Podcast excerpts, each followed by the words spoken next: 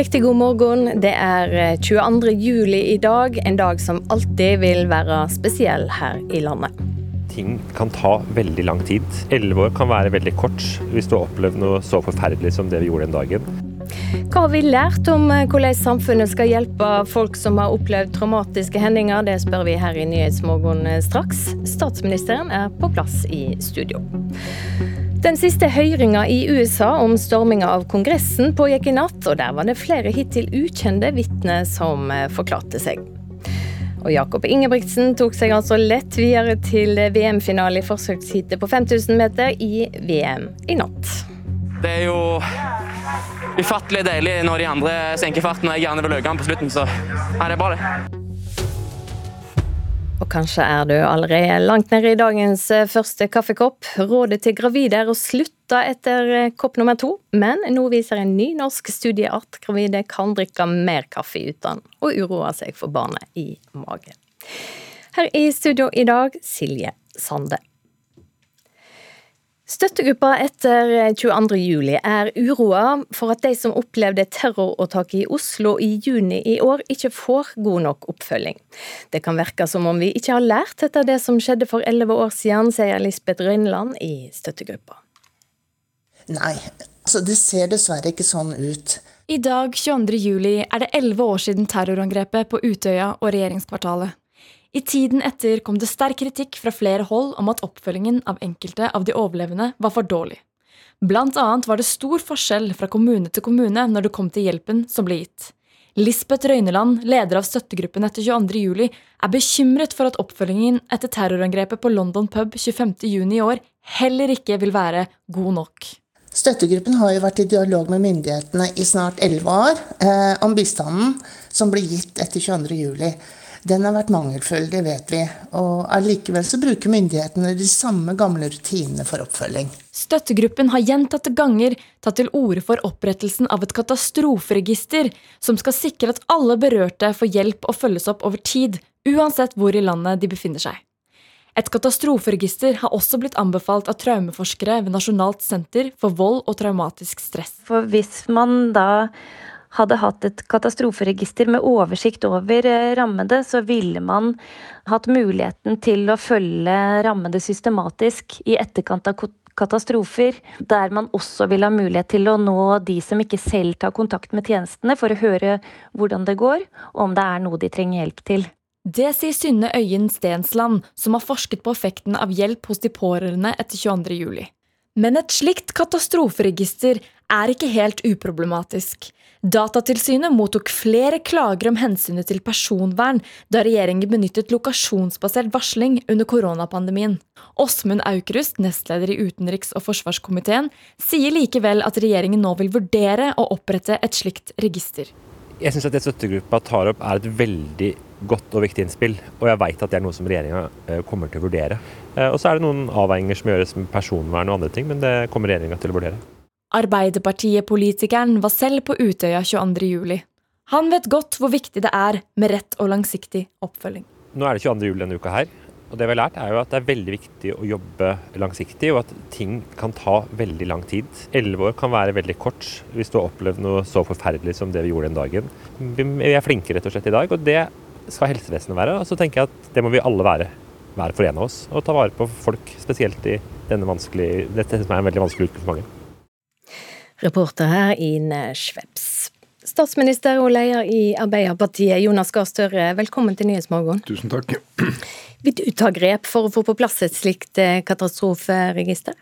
Jeg lytter jo veldig til dette som støttegruppa spiller inn. De har jo fulgt dette systematisk og grundig helt siden 2011. Eh, og det de påpeker at folk ikke får hjelp, det er jo uh, ikke til å leve med. Sånn kan vi ikke ha det. Så dette er ett tiltak vi skal vurdere. Jeg vet at Helsedirektoratet skal sette seg ned med uh, de berørte miljøene for å se på en slik modell. Så det skal vi se på. Det viktige for meg å si er jo at hvis du har behov for helsehjelp i Norge, skal du få det. Da skal det være et tilbud til deg i den kommunen du bor, og med den hjelpen du trenger. Enten du står i et register eller ikke. Så det er flere sider ved det, men, men hva skal jeg si, bakgrunnen for det innspillet tar vi på stort alvor, og vi skal se nøye på det. Akkurat nå så har vi høy terrortrussel her i landet, nivå fire av fem mulige. Hva tenker du om det på en dag som denne? Nei, Når det er på en dag som denne, så gir det jo en ekstra tyngde. Jeg har, jeg har lyst på å si det ganske tydelig her denne morgensendingen, at vi har altså et høyt terrortrusselnivå i Norge nå etter 25.6, det som skjedde i Oslo, skytingen før pride. Og Det betyr, sånn som fagfolk sier det, at det er tilstrekkelig mange man antar som har både vilje og evne til å kunne gjennomføre uh, et angrep. Uh, og Det følger jo ofte at det har vært et spektakulært angrep. Det kan være inspirasjon som er i den retningen. men Eh, det er, en, det er, en, alvorlig situasjon at vi er i det fortsatt. Eh, politiet og PST prioriterer det. De har gjort om på ferieplaner for å være synlig til stede og, og, gjøre etterforskningsarbeid. Eh, og Det er verdt å minne om det. og Faktisk er det riktig å gjøre det på denne, denne dagen hvor vi jo har erfart katastrofen i 2011. Så I Norge i dag så skal vi alle fortsette å leve livene våre normalt, men være årvåkne. Politiet har fått masse tips fra publikum, som de sier, og det hører jeg når jeg har samtaler med dem, har vært av stor betydning. Eh, men det er også verdt å ta med oss at i dag så lever vi faktisk med det som er et høyt trusselnivå. Politiet har også da fått forlenget bevæpning i Norge med, med tre måneder pga. denne situasjonen. Vi har òg med oss leder for AUF, Astrid Hoem. God morgen. God morgen. Hvordan har denne hendinga i juni i år påvirka de som var på Utøya? Det er jo klart at det påvirker når det er et høyt uh, trusselnivå. Uh, det er mange av oss som fortsatt lever med frykten i kroppen også elleve år etterpå. Og hendinga 25.6 påvirker jo også på to måter. Det påvirker det at man blir redd for at noe skal skje, som jeg tror er allment for alle, men kanskje ekstra sterkt hvis man har overlevd noe sjøl. Og så vet man jo ikke alt ennå, men det var et angrep som ramma rammer den skeive bevegelsen ekstra hardt. og Det gjør også at mange skeive i Norge føler seg ekstra utsatt. Mange som opplever hets og trusler på gata fra før av, blir ekstra bekymra for å være dem man, kan, man er. Og Det bekymrer jo meg veldig at de tre terrorangrepene vi har sett de siste elleve årene, det rammer jo mennesker fordi de er dem de er. Om det var AUF-ere på sommerleir, folk på jobb i Høyblokka, eh, muslimer i bønn i Al-Noor-moskeen eller skeive som feira under pride, så må vi bare gjøre det så trygt som mulig å kunne være akkurat den man er. Ja, vi har jo som du sier, opplevd flere åtak etter 22.07, både i Oslo i sommer og mot moskeen Al-Noor i Bærum for tre år siden. Nettopp denne datoen, 22. juli, er spesiell. Hva mener det at dagen skal bety nå og i framtida?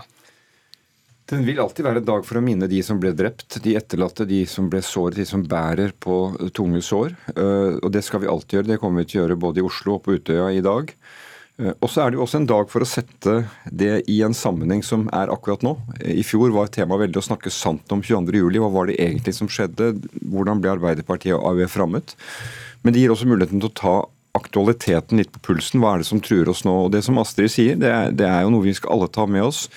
Uh, eh, LHBT-miljøet, uh, skeive miljø, føler seg utrygge. Uh, og det skal de ikke gjøre i landet vårt. Og det er et ansvar som jeg vet at politiet og PST og disse eh, myndighetene tar på ansvar, men på alvor. Men vi, eh, du og jeg og vi alle har også et ansvar her for å være til stede og, og, og gi den tryggheten. For de skal føle trygghet eh, i landet vårt, og det gir en veldig aktualitet egentlig til det som skjedde også i 2011.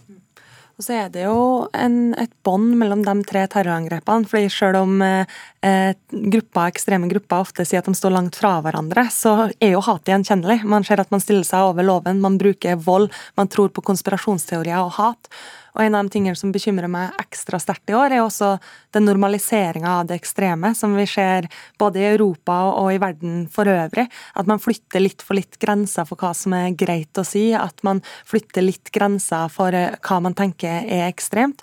Og nå har vi jo en, eh, en krig i Europa for første gang i min levetid som også er tufta på propaganda og konspirasjonsteorier. Så rundt omkring oss kan vi se helt i toppen av politikken at det ekstreme også har blitt normalisert.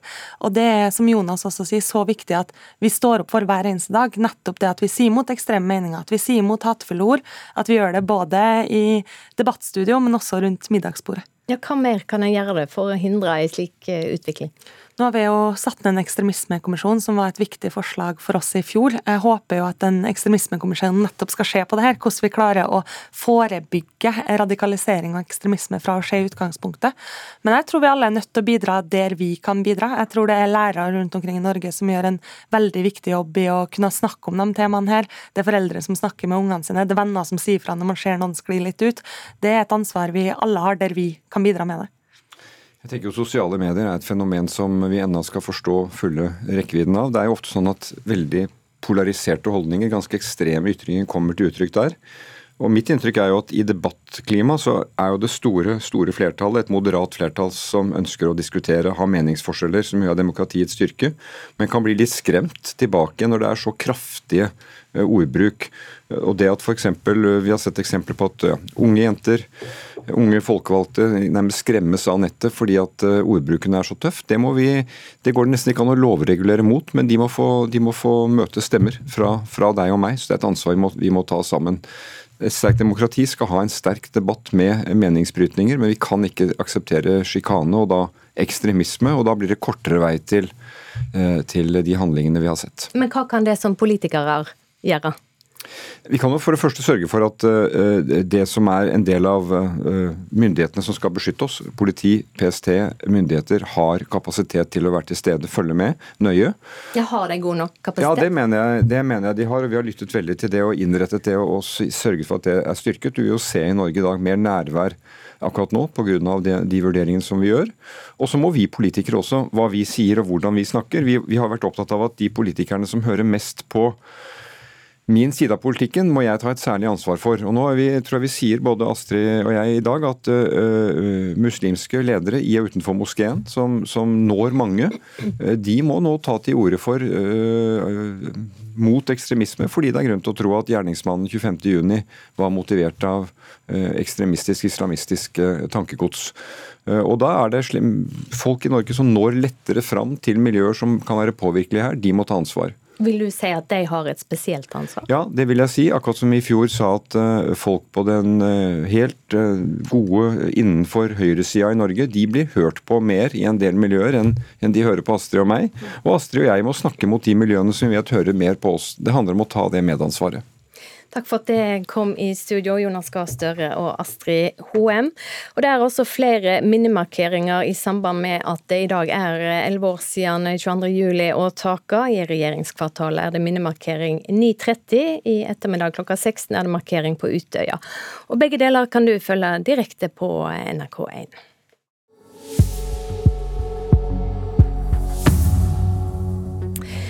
Klokka er 7.15. Eh, Programmet er Nyhetsmorgen. Støttegruppa etter 22.07 er uroa for at de som opplevde terroråtaket i Oslo i juni ikke får god nok oppfølging, og spør hva vi egentlig har lært. Alle skal få god og riktig helsehjelp, sier statsminister Jonas Gahr Støre.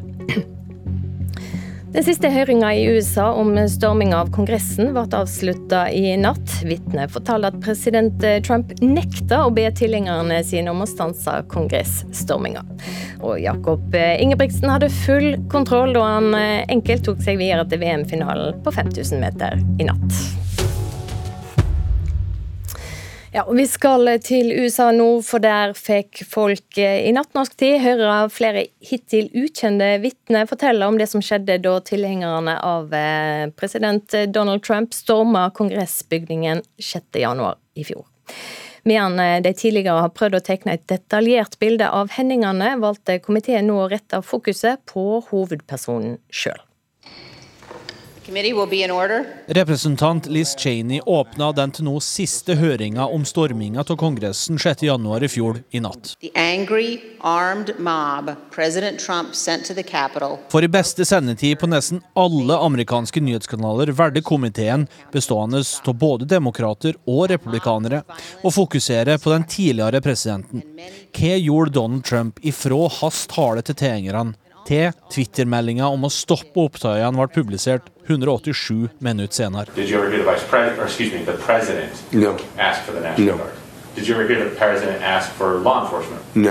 Komiteen baserte mye av materialet på tidligere intervju av Donald Trumps nære medarbeidere. Mange av dem tegna et bilde av kaotiske timer, mens tilhengerne av presidenten brøt seg inn i Kongressen og stoppa opptellinga av stemmene fra valget året før. Et av vitnene forklarer at sikkerhetsagenter rundt visepresident Mike Pence var så redd for situasjonen at de sendte radiomeldinger til sine familier, i fare for å miste livet. Og utafor ropte tilhengerne hang Mike Pence. It has spread like wildfire that Pence has betrayed us and everybody's marching on the Capitol, all million of us. Det ble aldri tatt noen bilder av presidenten i løpet av de timene, men flere av vitnene forklarer at Trump satt og så på storminga på sin favorittkanal Fox News for seg sjøl. Et av stjernevitnene som jobba for pressesjefen, forklarte at mange av de ansatte ba presidenten om å ta avstand fra volden og be dem om å gå hjem igjen. Trump ble bare sittende og se på mer TV. He shouldn't have been doing that. He should have been telling these people to go home and to leave and to condemn the violence that we were seeing. En hittil opublisert video av presidenten viser at han dagen etter prøvde å spille inn en tale der han skulle fordømme angrepet. You do not represent our movement, you do not represent our country, and if you broke the law, you can't say that. Trump avbrøt flere ganger og ville ikke innrømme at valget var over. Ei heller å fordømme demonstrantene som kriminelle.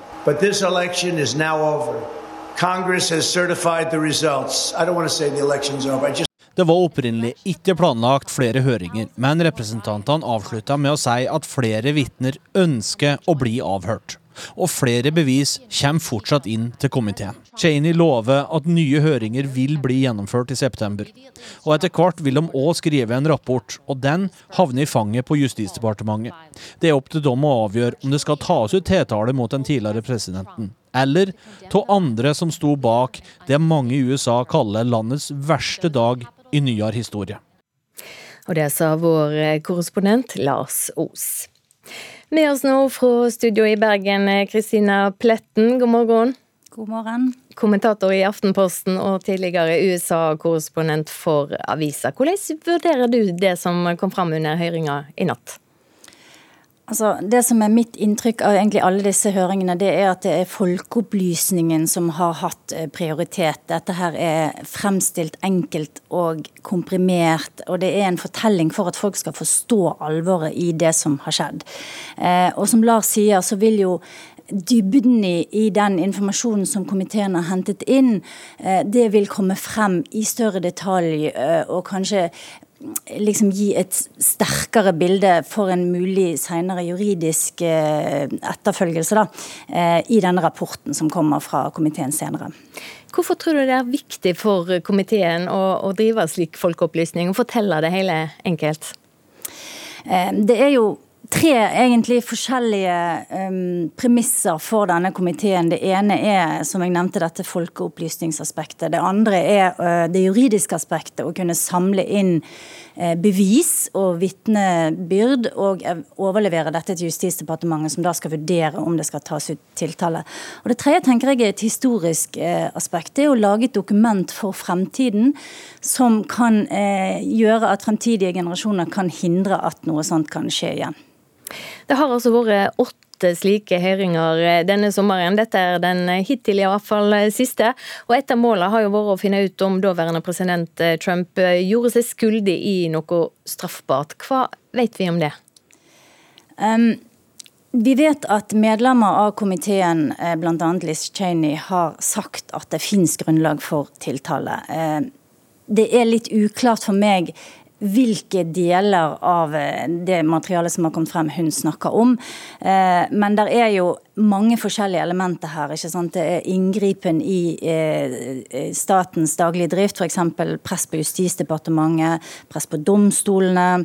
Det er også dette som kom frem i går, altså presidentens personlige ansvar. Han tar en ed når han blir sverget inn, der han sverger på å forsvare nasjonen og grunnloven. Så hans personlige ansvar, eller mangel på handling, da eh, Det kom jo også frem at Pentagon forsøkte å få tak i han og ikke klarte det, f.eks. Så det kan også være at der ligger noe juridisk eh, i etterkant. Men det vil bli veldig vanskelig, tror jeg, for Justisdepartementet å skulle ta ut en tiltale. Det vil være en høy terskel for bevisføring. Og det vi har sett hittil, i hvert fall, eh, tror jeg er kanskje litt for tynt til å, at Garland kan, kan, gå videre med det. Men, men tiden vil vise. Ja, hva kan komme til å skje videre nå? Altså Nå eh, jobber jo komiteen videre. Det har kommet en haug med ny informasjon. Det har kommet nye vitner frem. Eh, så det kommer kanskje noen ekstra høringer i høst. Og så må jo de egentlig bli ferdig før mellomvalget, for da kan demokratene miste majoriteten i, i Representantenes hus, og da har de ikke lenger mandat til å drive en sånn høring. Så de, de må liksom skynde seg nå frem mot målstreken, og så skal de jo da levere en stor rapport. Eh, som eh, sammenfatter hva de har funnet, og den skal da eh, Justisdepartementet vurdere og se om det er grunnlag for å ta ut en tiltale mot Trump eller eh, personer rundt Trump. Takk for at du var med her i Nyhetsmorgen, Kristina Pletten, kommentator i Aftenposten. Styresmaktene her i landet tilrår at gravide avgrenser inntak av kaffe til to kopper om dagen. Men nå viser en ny norsk studie at mengda kaffe du drikker mens du er gravid, ikke ser ut til å påvirke vekta til ungen negativt, eller heller ikke om ungen blir født for tidlig. Det går en del iskaffe og sånn eh, jålekaffe på kafé. Og den drikker jeg faktisk med, med god samvittighet. Jeg skal innrømme det. Gjennom et svangerskap får kvinner drøssevis av kostholdsråd. Et av rådene er å drikke mindre eller ingen kaffe. Småbarnsmor Natalia Latini er en av dem som er kjent på alle ulike råd. Det er jo en jungel av råd, som du sier, så kan eh, bli litt sliten av det. Men eh, en god dose sunn fornuft kan jo også være til hjelp, da. Gjennom analyse av genetiske data fra 250 000 personer hevder forskere nå at kaffedrikking blant gravide ikke påvirker fosteret i magen. Og da så vi på om disse genetiske variantene da hadde en eh, assosiasjon med eh, spontanabort, eh, dødfødsel, eh, for tidlig fødsel og eh, lav fødselsvekt. Det sier forsker ved Klinisk institutt ved Universitetet i Oslo, Gunn Helen Moen. Hun har ledet denne forskningen, og mener at denne metoden er mer pålitelig enn metoder som er brukt tidligere. Så det vi har gjort her, er at vi har brukt uh, genetiske varianter og gjort det vi kaller en mendelsk randomisering. Som vil si at vi kan se på den direkte effekten av uh, hvor mange kopper kaffe noen drikker og disse utfallene. Hun mener problemet med andre tidligere studier er at de kan ha hatt andre faktorer som spiller inn på disse utfallene. Dermed kan ikke disse studiene konkludere med at det er koffein som er skadelig. Så det Vi fant ut var at var, vi fant ingen årsakssammenheng mellom eh, hvor mange kopper kaffe man drikker hver dag og spontan abort, eh, dødfødsel eller for tidlig fødsel. Folkehelseinstituttet anbefaler å holde seg til maks to kopper kaffe om dagen. I en e-post til NRK skriver seniorforsker ved FHI Annelise Brandsæter følgende. Rådet til gravide om å være forsiktig med inntak av koffein bygger på studier fra mange land. Gjeldende råd bygger på summen av vitenskapelig dokumentasjon på feltet, og det trengs flere studier som viser det samme som denne. Hun legger til at det er for tidlig å slå fast at det er helt trygt for gravide å drikke kaffe, men Moen er trygg i sine funn. Ja, Med tanke på risikoen for å få spontanabort eller dødfødsel eller for tidlig fødsel, så kan ikke vi se at det er noen negativ risiko. En som syns studien virker positiv, er Mathilde Ellingsen Skjæveland. Hun er gravid og drikker selv kaffe under sitt svangerskap. Hvis forskninga viser nå at uh, du kan uh, drikke kaffe med god samvittighet, så syns jeg du skal gjøre det. For hvis mor har det bra, så har som regel babyen det bra også. Og det er det kanskje det aller viktigste. Reporter Kristine Greil. Friidretts-VM nå. Etter sølvmedaljen på 1500 meter, så var det en revansjesugen Jakob Ingebrigtsen som i natt stilte til start på forsøksheat på 5000 meter. Og 21-åringen hadde ikke problem med å ta seg videre til finalen på en dag der flere andre nordmenn fikk det tøft. Det, vi springer langt og vi springer fort. Så det er sånn, Man må jobbe om man vil det eller ikke, men det er jo ufattelig deilig når de andre senker farten og jeg gjerne vil øke den på slutten. Så nei, det, nei, det er bra, det. Det sier Jakob Ingebrigtsen etter at han tok seg enkelt videre til finale på 5000 meter i VM i Eugene i natt. Ingebrigtsen kontrollerte inn til en andreplass i sitt heat og ville ha med seg publikum på oppløpet. Vinker til publikum, frir til publikum på Hayward Field. Det blir ikke mindre populær av dette her. Sender et signal til alle konkurrenter at de iallfall full kontroll i en fart rett over 13 eh, minutter på en 5000 meter. Blir nummer to mens han vinker. Kropp eh. Ja, herregud, de var jo helt døde. Nei det vil gjerne gi dem noe å heie på. Det er jo regner med at det er derfor de er her. Så det, det er gøy. Storebror Henrik Ingebrigtsen var godt fornøyd med hvor pigg lillebroren virka under nattens 5000, men tror hovedpersonen selv skulle ønske at han tok det enda mer med ro på oppløpet. Altså det, det, er jo både òg. Jeg tror Jakob er litt Ikke irritert, men han, han kunne ha sprunget ti sekunder senere og fremdeles kommet videre. Så hvis han hadde hvis han skulle ha fått ønsket sitt oppfylt, så tror jeg han hadde bare spart ti sekunder krefter. Ingebrigtsen var imidlertid ikke den eneste norske utøveren i aksjon i natt. På 5000 meter var også Narve Gilje Nordås i aksjon. Han skulle prøve å ta seg videre til finale i sitt første VM-løp, men det gikk ikke helt veien for løperen som trenes av Gjert Ingebrigtsen. Langt under Paris, men uansett i dag så hadde det blitt for tøft, for de var jo 12-13 sekunder foran meg, meg fast. og hadde ikke hatt noe å svare med sist. For så fortjent, da. Det er nivåforskjell. Og nettopp nivåforskjell viste det seg også å være for Hedda Hynne da hun løp forsøk på 800 meter i natt. Hynne som akkurat er tilbake etter covid-sykdom, fikk det tøft på siste runden. Nei, det var så ille som man kunne frykte, men jeg har ikke, har ikke ønska meg eller tenkt på det utkommet i det hele tatt, så jeg må nok fordøye det litt, selv om eh, sikkert ikke er en overraskelse på en måte etter det jeg har vært borti nå. For 32-åringen er klar på at eh, covid-sykdommen ble utslagsgivende for nattens løp. Ja, det er ødelagt totalt, så jeg skylder på korona. Reporter her Emil Johansen.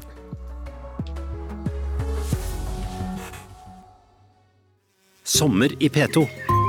I strandkanten i Egypt ligger det en hvit, liten gutt og synger Habibi, habibi, habibi ya nur alain. Damene i burkini, de stirrer.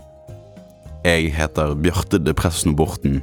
Jeg er musiker, og i sommer i P2 får du vite hvordan det er å vokse opp med 21 fostersøsken fra hele kloden, og hva det har gjort med mitt musikalske DNA. Sommer i P2. I dag klokka ni.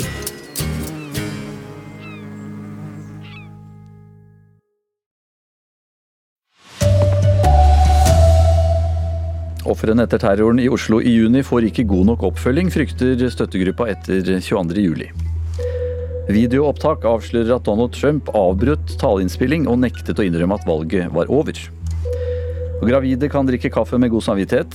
Det påvirker ikke fosteret, ifølge en undersøkelse. Ja, god morgen, her er NRK Dagsnytt. Klokka er 7.30. Støttegruppa etter 22.07 eh, er altså bekymret for at de som opplevde terrorangrepet i Oslo i juni ikke får god nok oppfølging. Det virker eh, ikke som vi har lært etter angrepene i regjeringskvartalet og på Utøya.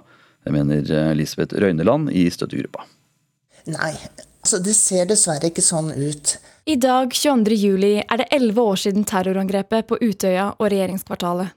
I tiden etter kom det sterk kritikk fra flere hold om at oppfølgingen av enkelte av de overlevende var for dårlig. Blant annet var det stor forskjell fra kommune til kommune når det kom til hjelpen som ble gitt. Lisbeth Røyneland, leder av støttegruppen etter 22.07, er bekymret for at oppfølgingen etter terrorangrepet på London pub 25.6 i år heller ikke vil være god nok. Støttegruppen har jo vært i dialog med myndighetene i snart elleve år om bistanden som ble gitt etter 22.07. Den har vært mangelfull, det vet vi. Og allikevel så bruker myndighetene de samme gamle rutinene for oppfølging. Støttegruppen har gjentatte ganger tatt til orde for opprettelsen av et katastroferegister som skal sikre at alle berørte får hjelp og følges opp over tid, uansett hvor i landet de befinner seg. Men et slikt katastroferegister er ikke helt uproblematisk. Datatilsynet mottok flere klager om hensynet til personvern da regjeringen benyttet lokasjonsbasert varsling under koronapandemien. Åsmund Aukrust, nestleder i utenriks- og forsvarskomiteen, sier likevel at regjeringen nå vil vurdere å opprette et slikt register. Og så er det noen avveininger som gjøres med personvern og andre ting, men det kommer regjeringa til å vurdere. Arbeiderpartiet-politikeren var selv på Utøya 22.07. Han vet godt hvor viktig det er med rett og langsiktig oppfølging. Elleve år kan være veldig kort hvis du har opplevd noe så forferdelig som det vi gjorde den dagen. Vi er flinke rett og slett i dag, og det skal helsevesenet være. Og så tenker jeg at det må vi alle være. Og ta vare på folk. Reporter her, det var eh, Ine Svebs. Statsminister og leder i Arbeiderpartiet Jonas eh, Gahr Støre, oppfølgingen som tilbys i dag er helt lik den som ble gitt for elleve år siden, sies det her. Eh, hvorfor blir det ikke gjort noe annerledes etter Oslo-skytingen? Jeg tror det er læringer eh, siden det, men det er klart det avgjørende i vårt samfunn er at hvis du har behov for hjelp, skal du få hjelp. Eh, det ligger grunnleggende i vårt lovvesen og kapasiteten. Så det forslaget som kommer her, skal vi se på. Helsedirektoratet skal uh, ha kontakt med både fagmiljøene og støttegruppa nå uh, etter sommeren. Og så får vi se på om det er en praktisk måte å sikre oss, slik at alle som skal ha hjelp, skal få hjelp. I hvilken grad var uh, skytingen i Oslo 25.6 en påminnelse om hvor sårbare vi som samfunn er? Ja, Det er jo en, en fryktelig påminnelse. Det skeive miljøet ble truffet. Det skal være trygt å tilhøre dette miljøet, kunne elske den du elsker. men det jeg har lyst på å si i dag, en måned etterpå, er at vi nå fortsatt har et forhøyet trusselnivå i Norge. Eh, det er på et eh, veldig høyt nivå. Og Det betyr at eh, politiet etter 25.6 fortsatt vurderer at det er folk som kan ha såkalt både kapasitet og evne til å gjennomføre angrep i Norge. Så vi må fortsatt følge nøye med for å beskytte oss og ikke være så sårbare at folk skal oppleve utrygghet. Takk skal du ha, statsminister og leder av Arbeiderpartiet, Jonas Gahr Støre. Det er eh, flere minnemarkeringer i forbindelse med at det er eh, elleve år siden 22.07-angrepene i dag. I regjeringskvartalet så er det minnemarkering eh, klokka 9.30.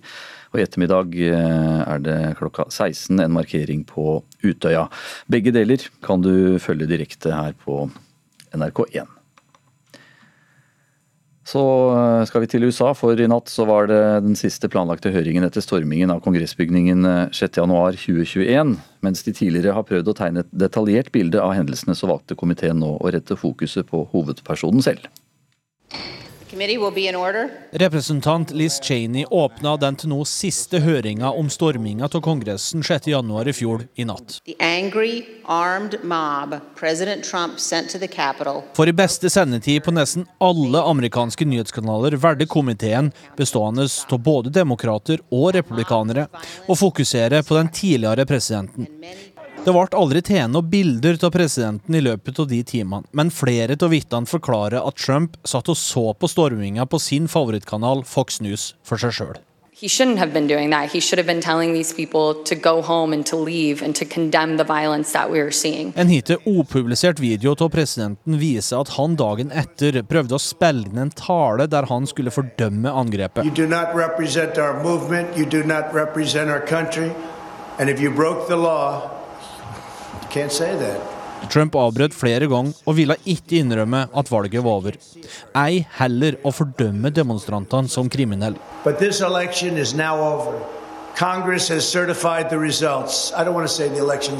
Det var opprinnelig ikke planlagt flere høringer, men representantene avslutta med å si at flere vitner ønsker å bli avhørt og flere bevis kommer fortsatt inn til komiteen. Cheney lover at nye høringer vil bli gjennomført i september. Og etter hvert vil de òg skrive en rapport, og den havner i fanget på Justisdepartementet. Det er opp til dem å avgjøre om det skal tas ut tiltale mot den tidligere presidenten, eller av andre som sto bak det mange i USA kaller landets verste dag i nyere historie. Det sa vår korrespondent i USA, Lars Os. Hydro omsatte for omtrent 65 milliarder kroner eh, andre kvartal. Overskuddet for andre kvartal endte på 14,1 milliarder kroner før skatt, så dette er eh, femte kvartal på rad hvor selskapet leverer et rekordresultat. Og til tross for eh, gode resultater, så melder selskapet om at det kan bli tøffere framover. Bl.a. pga. høye strømpriser, inflasjon og krigen i Ukraina. Norske myndigheter anbefaler at gravide begrenser inntaket av kaffe til to kopper om dagen. Men eh, en ny norsk studie viser at mengden kaffe du drikker mens du er gravid, ikke ser ut til å påvirke vekten til barnet negativt, eller om det blir født for tidlig. Det går en del iskaffe og sånn eh, jålekaffe på kafé.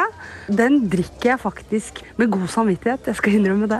Gjennom analyse av genetiske data fra 250 000 personer hevder forskere nå at kaffedrikking blant gravide ikke påvirker fosteret i magen. Vi fant ingen årsakssammenheng mellom eh, hvor mange kopper kaffe man drikker hver dag og spontan abort, dødfødsel eller for tidlig fødsel. Det sier forsker ved Klinisk institutt ved Universitetet i Oslo, Gunn Helen Moen. Hun har ledet denne forskningen, og mener at denne metoden er mer pålitelig enn metoder som er brukt tidligere. Folkehelseinstituttet anbefaler å holde seg til maks to kopper kaffe om dagen. I en e-post til NRK skriver seniorforsker ved FHI Annelise Brandsæter følgende. Rådet til gravide om å være forsiktig med inntak av koffein bygger på studier fra mange land.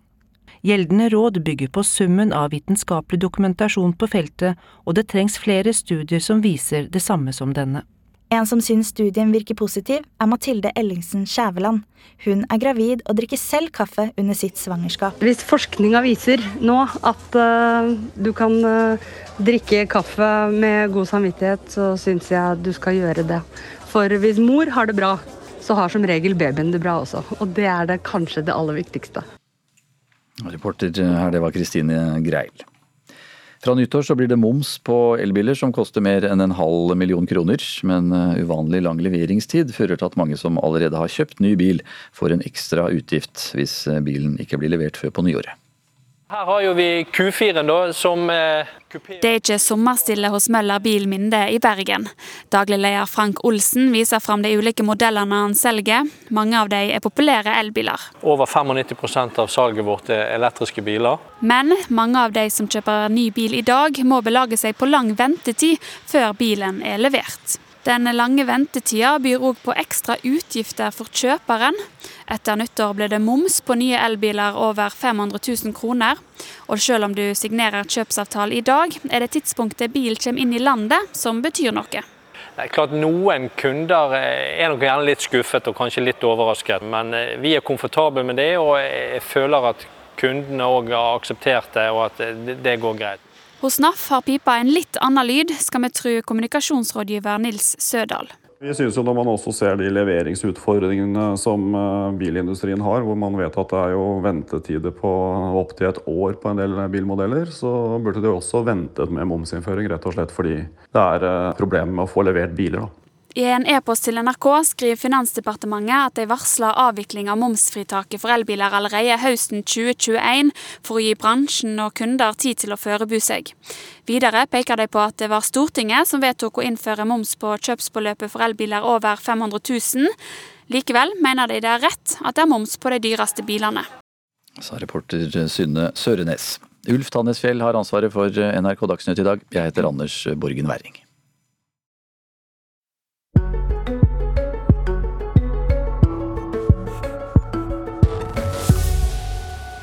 Nå skal det handle om likestilling i lokalpolitikken. For eh, i 2003, for 19 år siden, så var det 35% kvinner i kommunestyret her i landet. Nå er vi oppe i et snitt på 40% Det går riktig vei, men eh, det går ikke så fort, sier forsker og statsviter Jo Sagli.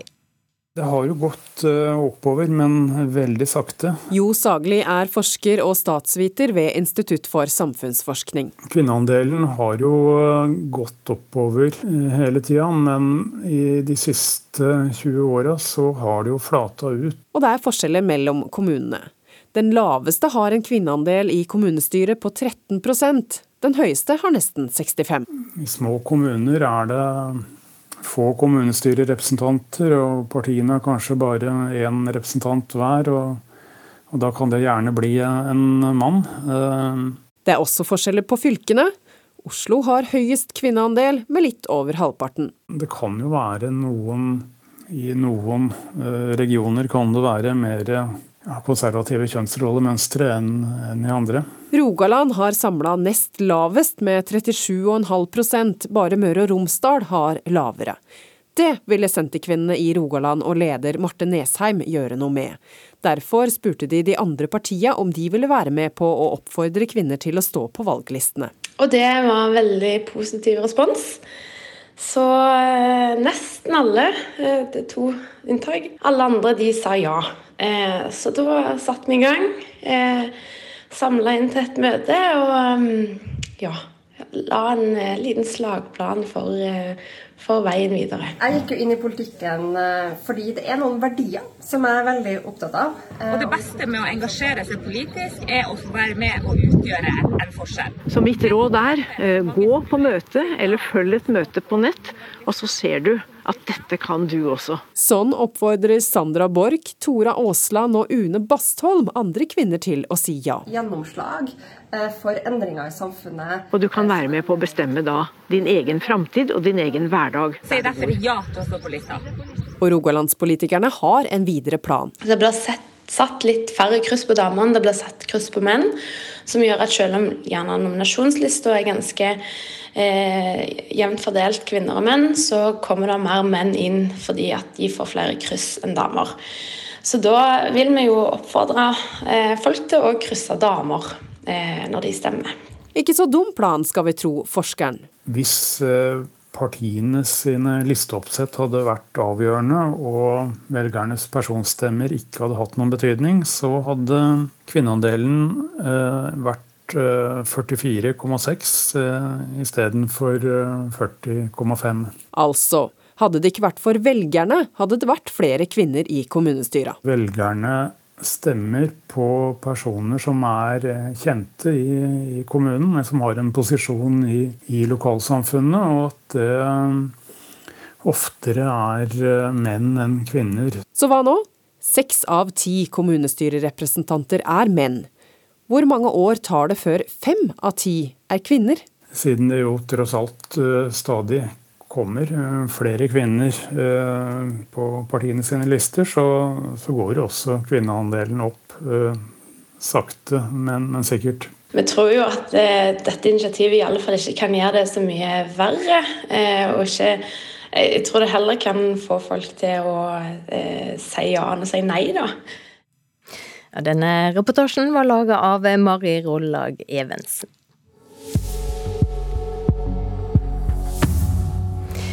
Hovedsak i nyhetene denne fredagen. Støttegruppa etter 22.07 er uroa for at de som opplevde terroråtaket i Oslo i juni i år, ikke får god nok oppfølging.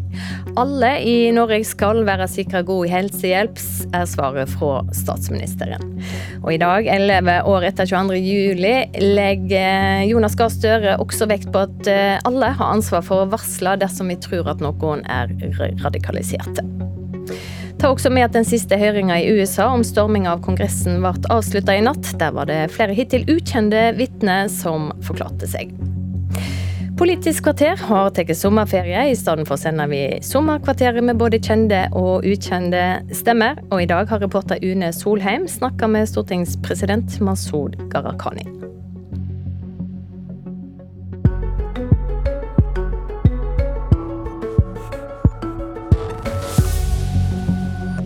Det var rett og slett uh, drapstrusler. Uh, og som egentlig rett og slett handla om at man ikke ønsket at det var folk med vårt bakgrunn som da deltok i demokratiet og var en del av samfunnet. Navn? Masud Gharahkhani. Alder? 39, som nærmer meg 40-årskrisa. Stilling? Stortingspresident. Fint. Du har på deg greie sko? Jeg tok på meg joggesko. Da går vi en liten tur, da. Er det greit? Ja, absolutt. Så bra. absolutt. Du har invitert meg til å bli med på en tur i Drammensmarka. Ja, Hvorfor det? Dette er liksom stedet hvor jeg trenger litt ro i sjela, og så går jeg turer her. Så her tenker jeg, her får jeg litt ro, og så får jeg litt trening òg. Ja, du slapper av her? Her slapper jeg av. Så det er litt sånn, litt sånn fristedet mitt, da. Ja. Så kan gå opp her. Her kommer vi til sweet min. vet du. Her får du fantastisk utsikt over både Drammenselva, men også ser du litt mot sentrum, da.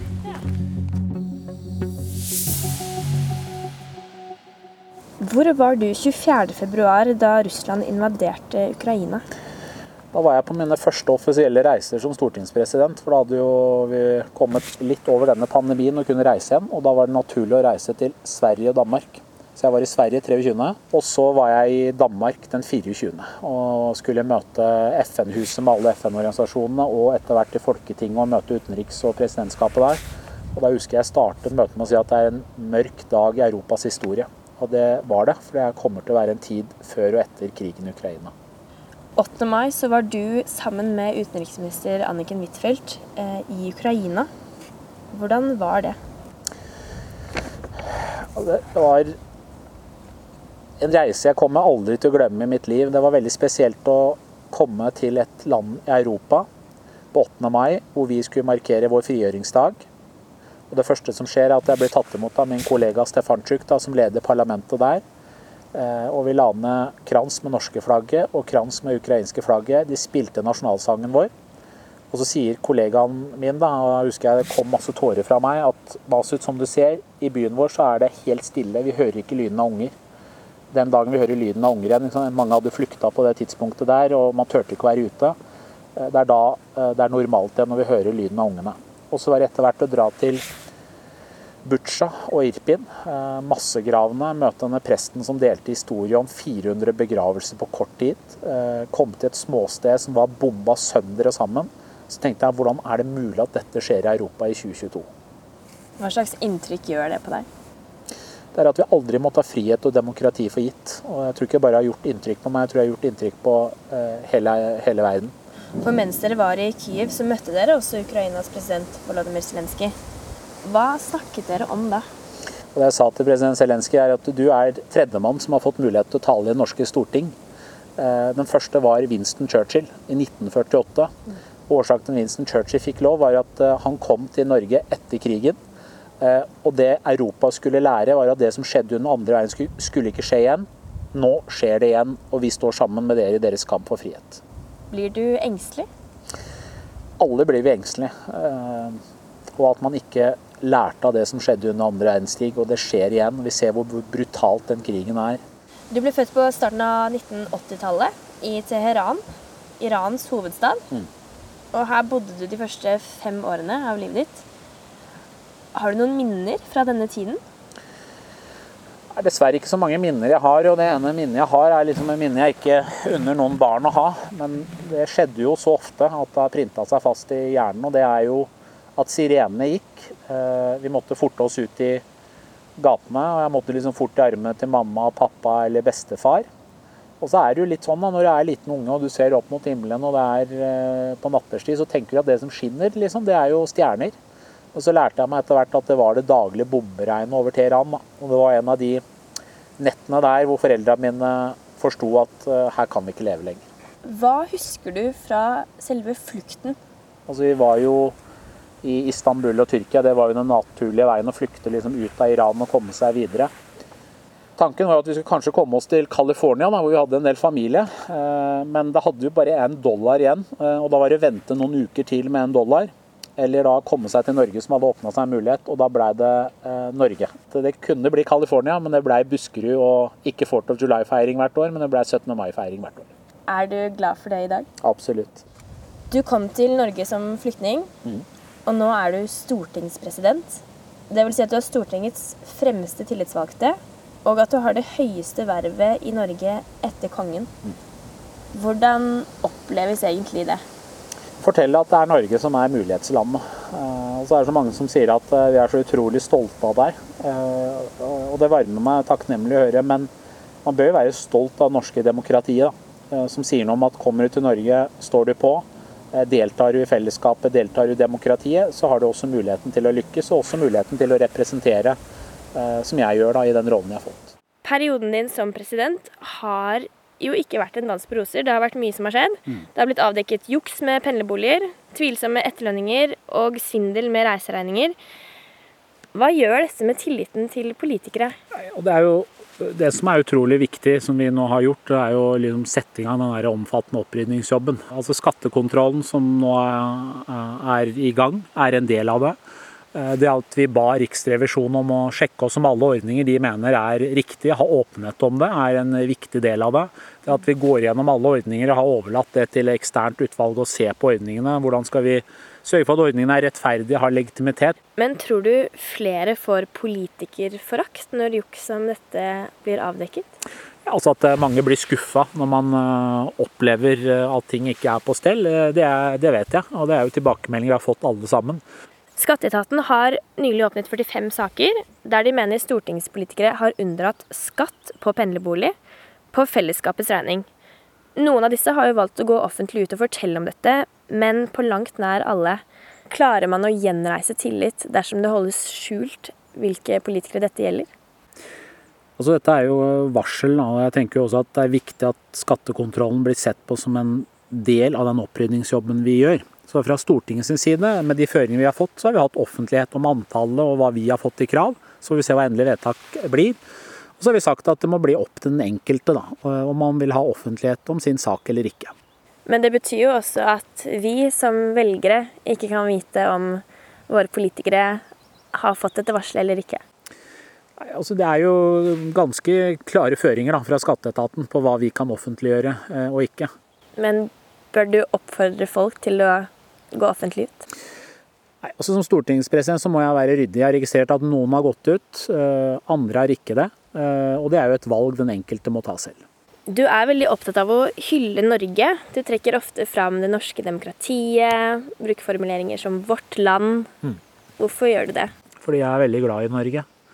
Og jeg eh, tar ikke frihet og demokrati for gitt, rett og slett fordi jeg er født i en tid med en mislykka revolusjon. En tid hvor det var krig. Og vet at hvis mine foreldre ikke hadde tatt et valg, så hadde jeg levd et helt annet liv. Men jeg vet også at også i Norge så må vi kjempe for frihet og demokrati Eh, hver eneste dag. Eh, det som skjedde nylig, eh, angrepet på mennesker som feira frihet og kjærligheten, viser jo det at det er alltid sånn at de verdiene er under press, og det må vi stå opp for i fellesskap. Og så er du den første stortingspresidenten med innvandrerbakgrunn. Gjør det at du må ta noen hensyn som de før deg ikke har trengt å ta? Altså, jeg er opptatt av å være meg sjøl, eh, og det, det, er jeg. Eh, men selvfølgelig så har jo jeg med meg en bagasje som er annerledes enn eh, de før meg. Nettopp det vi har snakket om, at frihet og demokrati, det, jeg er ikke født inn i det. Akkurat nå så jobber du med å ferdigstille en bok som skal lanseres i høst. Du skal ta for deg tematikk som polarisering, falske nyheter og hatefulle ytringer. Er du bekymret for samfunnets utvikling?